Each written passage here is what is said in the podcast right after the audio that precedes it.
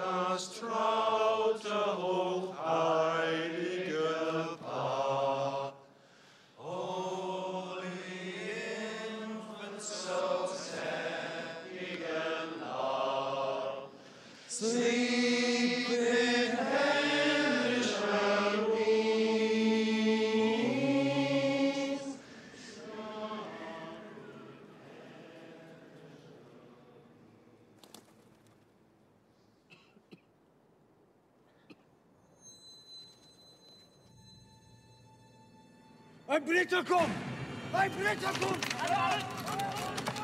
Jim? Jim, no, don't do it! Halt! Er ist nicht bewaffnet!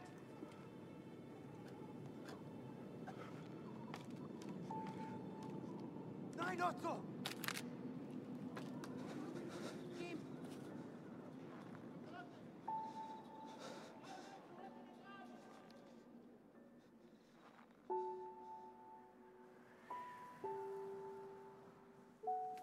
My name is Jim.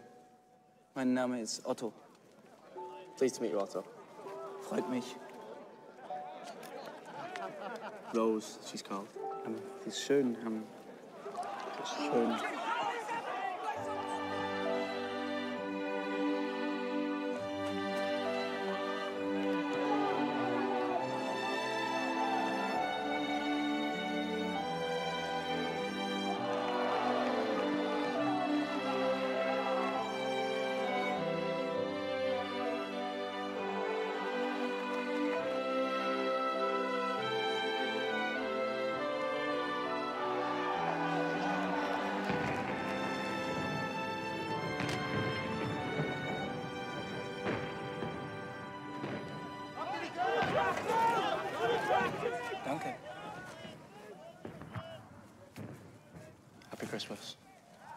Frohe Weihnachten.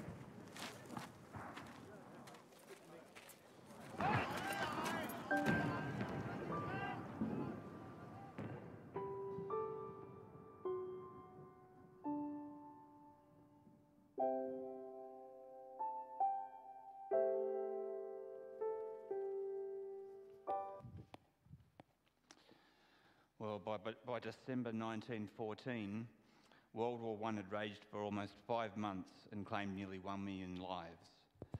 Letters and diaries from the Western Front describe how the guns fell silent on Christmas Eve. On Christmas Eve, many soldiers from both sides sang Silent Night from their trenches. Independently on Christmas Day, they ventured into no man's land where they mingled, exchanging food and souvenirs. Troops from both sides were also friendly enough to play games of football with one another in one of the truce's most enduring images. According to Charles Byrne, Director of Fundraising at the Royal British Legion, the Christmas truce certainly happened. Who knows all the details behind it, but it is a really good way for people to start to understand the First World War and understand the humanity, not just the scale and destruction, but also those small moments of charity and support and human contact that could easily be lost otherwise. A world at war, yet something significant happened that Christmas. Something made them stop and think. Something that can unite us all. Because it was Christmas. Because Christmas is when we remember the birth of the Prince of Peace. Christmas is for sharing this message of peace that Jesus offers. Jesus said, Blessed are the peacemakers, for they will be called children of God. This is twofold. Blessed are those who make for peace, and blessed are those who point people to the ultimate peacemaker, Jesus. And it can be as simple as dropping an invitation into someone's letterbox. Continuing in our Born to series, Jesus born to bring peace. Now, the origins of words and phrases and symbols I can find fascinating. I'd like to, us to consider this symbol. It's, of course, the peace sign. The most common explanation of the origin and meaning of the sign comes from the early peace movement itself. They claim this, this was designed in 1958 when Gerald Holtman combined the semaphore N with the semaphore D to symbolise a link between the end of nuclear weapons and peace, symbolise nuclear disarmament. There are a number of problems with this, including the designer's words himself. Holtman wrote uh, to a Peace News explaining the genesis of his idea in greater depth. I was in deep despair. I drew myself, the representative of an individual in despair, with hands outstretched outwards and downwards in the manner of Goya's 3rd of May peasant before the firing squad. I formalised the drawing in a line and put a circle around it. Holtman asked that the symbol be placed on his tomb upside down, showing arms stretching upward rather than down, and he refused to draw it with its arms stretching down for most of his life because it symbolised despair. There are other origins of this symbol beyond despair. This symbol was used by Hitler's uh, divisions, the tanks, between 1941 and 1945. They've also found the symbol on Hitler's SS soldiers' tombstones. The use of the central part of the peace sign, the inverted Y, shaped with a line down the middle without a circle, goes to the time of Nero. Nero is remembered in history for, among other things, persecuting Christians. The first Roman Jewish war started during his reign, and today the term Nero cross is the symbol of the broken Jew or broken cross. The symbol's also used in pagan practices as they take the cross, they invert it and snap the cross's arms to show that it's anti Christian. And the origins of the peace sign lie, therefore, in despair, in mocking Christ, and the current secular meaning of the sign is that we can achieve peace through human endeavour without God. And the Antichrist certainly doesn't offer us peace. On the contrary, quite the opposite. Jesus referred to him as a murderer and the father of all lies. Well, we're going through this Born to series leading up to Christmas, springboarding from passages from Isaiah. So far, we've seen that Jesus is born to die to live, to live for us. He's born to fulfill God's promises and offer us hope. And now we're going to see that Jesus is born to bring peace, and peace is certainly a solution to one of life's problems. A bit of background on Isaiah.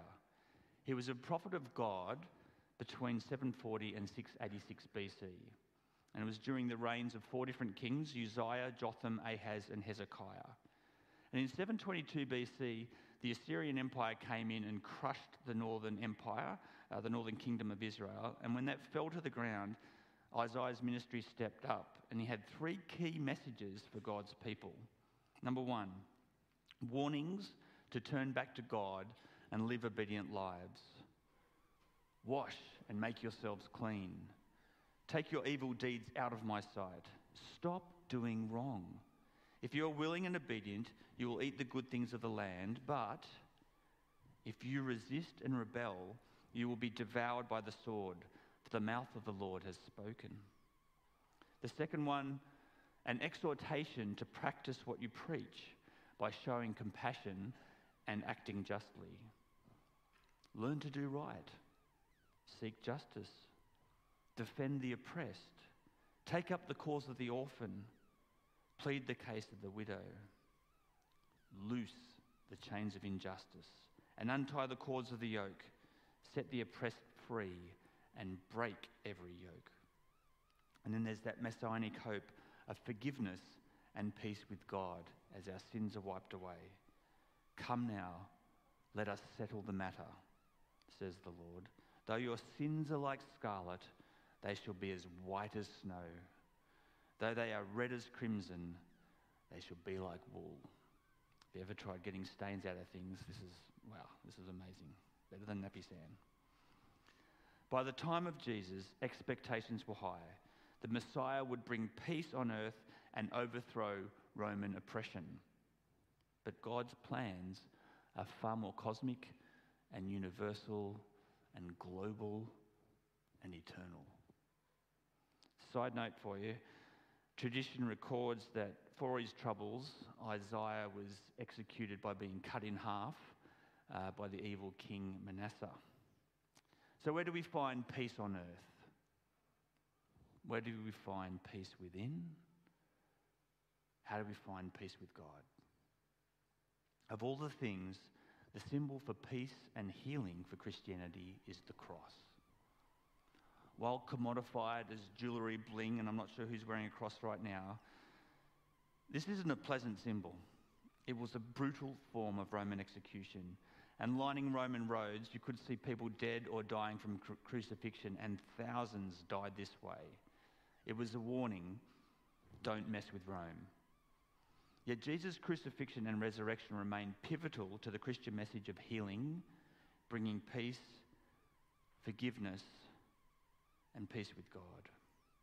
Jesus, the one Isaiah called Wonderful Counselor, Mighty God, Everlasting Father, Prince of Peace. Of the greatness of his government and peace, there will be no end. In context, this verse is proclaiming the redemption of the people of God and the activities, titles, and blessings of the Messiah who is to rule the earth and usher in a reign of blessing and peace that will have no end. And you may have noticed that one of Jesus' titles there is Everlasting Father. Has that ever caught your attention? Some have objected to this designation as Father seems to confuse the roles within the Trinity, calling Father the one who's really the Son. So, just to clarify, in ancient times, the father of the nation was viewed in a much the same way as the father of family today. It was the father who was to protect and provide for his children. So, in the same way, this child that will be born will become a king who will be father to the children of Israel. In other words, Jesus' role, still as the Son of God, will be as a father to protect and provide. And so, this isn't limited by age or death. So, Jesus came to bring peace on earth. But we turn on the news and look around the world, and when we look in the mirror and examine our own hearts, doesn't it make you wonder where is the peace? The idea that we're going to turn the world around into a utopia ourselves must be wearing thin. And if we think the next political party will do it, or the next philosophy, or the latest trend or religion, some secular idea, it's just not going to happen. As we review the 2021 statistics on religious affiliation in Australia, we see a decline in Christian numbers, while an increase in those identifying as no religion. And yet, according to Justine Toh from the Centre of Public Christianity, what, what if everyone is religious? Even the non believers among us. What I've noticed is that decidedly non religious types are the most devoted to clean eating, kale superfoods, mindful meditation, cold pressed juices, sunrise yoga, bone broth, going sugar free and gluten free, keto or paleo dieting, intermittent fasting, and pounding the treadmill at the gym. Maybe our obsession with health and clean eating reveals that we've traded God for good living. So, why is the well-being and counselling business booming? Why the increased demand for antidepressants? We not only need nations to lay down their weapons for there to be peace on earth, but we also crave inner peace. There's so much warring with our souls, temptations, sins of the flesh, situations which we hope will change, but there doesn't seem to be an end in sight. Experiencing untreated pain, unresolved relationships, unaddressed guilt. People are searching for peace, and sadly, they'll look anywhere and everywhere except to Jesus. We need to understand we'll never find answers in ourselves that will bring us peace, and nothing in creation outside of us will satisfy us. We actually need to go to the Creator, the one who brings peace. Jesus is the Prince of Peace, and the government will be on his shoulders. Imagine a government where the one ruling was just and they ruled with love and integrity and compassion and transparency. Imagine a counselor who brought you real and true and lasting healing. How wonderful it, it would be. And the zeal of the Lord will accomplish this. So, peace on earth. Isaiah 11 The Messiah will come from the stump of Jesse, while from the loyal house and the line of David, they'll be humble in nature. Jesus. The Spirit of the Lord shall rest upon him the spirit of wisdom and understanding, of counsel and of might, of knowledge and of the fear of the Lord, the reverence of God. Jesus fulfills this. When the Messiah comes, we will see the Spirit of the Lord at work in this figure. This is revealed in the ministry and life of Jesus, who is Emmanuel, God with us. In verse 6 of chapter 11 following, the wolf also shall dwell with the lamb. The leopard shall lie down with the young goat, the calf with the lion, the cow with the bear, child with the snake. Can't fathom that one. We can't fathom this. When the Messiah reigns, not only will the way animals relate to each other be changed, but the way they relate to humans will be changed. The danger of predators like wolves and leopards will be gone. A child will be safe and able to lead a lion and lie with a bear and play with snakes and vipers. For the earth shall be full of the knowledge of the Lord as the waters cover the sea. When the Messiah reigns, there'll be no more doubts. The knowledge of the Lord, not just in an intellectual sense, but in a personal and relational way, will cover the earth. Isaiah 11 is a picture of eternal peace. When are we going to see this peace on earth? We're going to have to wait until Jesus comes into a fallen world run by sinners and just removes the evil. And that will happen, and when it happens, things will change. It also comes to judge. In Acts 17, verse 31, there is a day where he will judge, and 2 Timothy 4 1, for he will judge the living and the dead. And so the New Testament teaches us that although judgment is delayed, it will not in the end be denied. Jesus is seated on the throne and he's returning. Jesus is the only one who can give us unshakable peace in a world of turmoil. And as someone once said, there will never be peace in the individual heart or at the peace tables of the world until the Prince of Peace reigns supreme in the hearts of humankind. Jesus said, Peace I leave with you, my peace I give to you. Not as the world gives, do I give to you. Let not your heart be troubled, neither let it be afraid. Why trust Jesus? Jesus is the one who spoke creation into existence. Jesus is the one who stepped into his creation. Jesus is the one who speaks words of peace and authority. Just think of that furious squall on Lake Galilee, where he got up and said, Don't be afraid, and said three words to creation Peace, be still. Becoming a Christian does not mean that we'll suddenly be ushered into a utopian situation, but rather that we have the one with us who said, I'm with you always, even to the end of the age. That means perpetually uniformly and on every occasion, God will never leave us or forsake us. And this is the eternal peace we hold on to for this life and the life to come. So while we await Jesus' return, for those who trust in Jesus, we can still experience peace now. It's hard to explain to a non Christian. It's the peace of God which surpasses all understanding that guards our hearts and minds through Christ Jesus. It's a quiet confidence that since our sovereign, loving, all powerful God is in control, we have nothing to fear. Jesus gives us peace with God through the healing that comes from forgiveness from sin. He provides peace of mind through an unhindered relationship with Him. He shows us how to have peace with others by teaching us how to love others.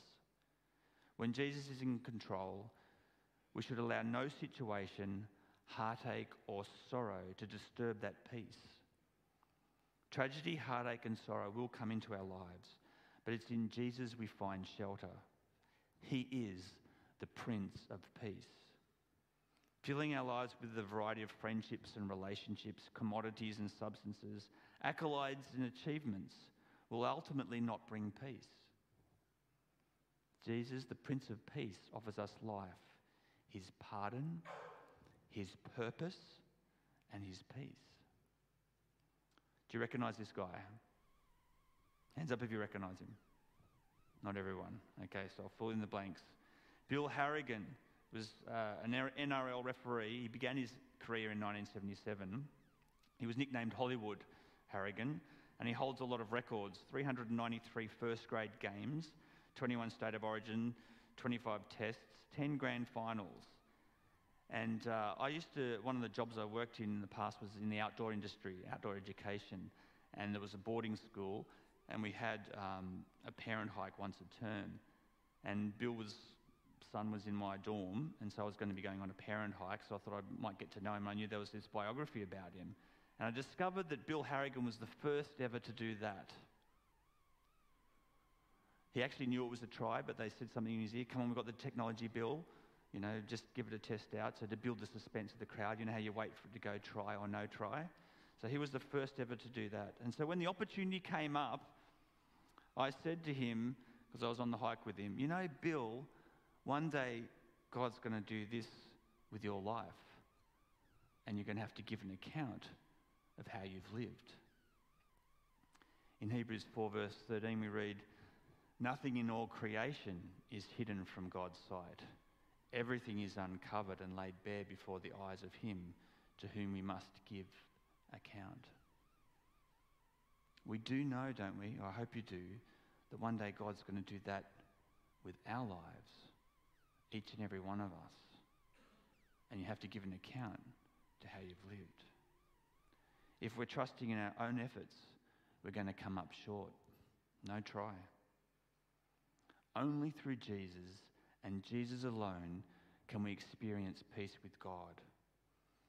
And there's been attempts at peace on earth. They're just fleeting moments, like the signing of the Treaty of Versailles at the end of World War I.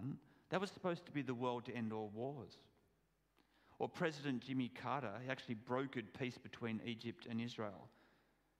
But we're still at war in this world, including a war for our souls. Jesus is coming back to bring peace once and for all. Jesus is bringing salvation, and not just salvation from guilt. There will come a day when salvation will come in all its fullness and will be saved from all evil. Jesus is coming to save and bring peace once and for all. This Christmas season, if you haven't already done so, can I encourage you to make peace with the Prince of Peace, Jesus, who brings forgiveness, healing, and if you have made peace, celebrate anew that peace which passes all understanding. Forgiven and healed from sin within, don't miss this opportunity this season to share this message of peace with others. I'd like to conclude with an amalgamation of verses from that old Christmas carol that echoed across the World War I trenches that Christmas Eve in 1914. Silent night, holy night Son of God, love's pure light, radiant beams from thy holy face, with the dawn of redeeming grace. Christ the Saviour is born. Live in heavenly peace. Let's pray. Heavenly Father, for anyone now recognizing they need forgiveness, may they come to Jesus and find peace. For anyone struggling or hurting or broken or anxious, may they come to Jesus. And Holy Spirit, give them the gift of the peace which passes all understanding. In the name of Jesus, who bore the punishment for our sin, Jesus, who is risen and is coming to judge the living and the dead, In Jesus' name alone, we pray for peace. Amen.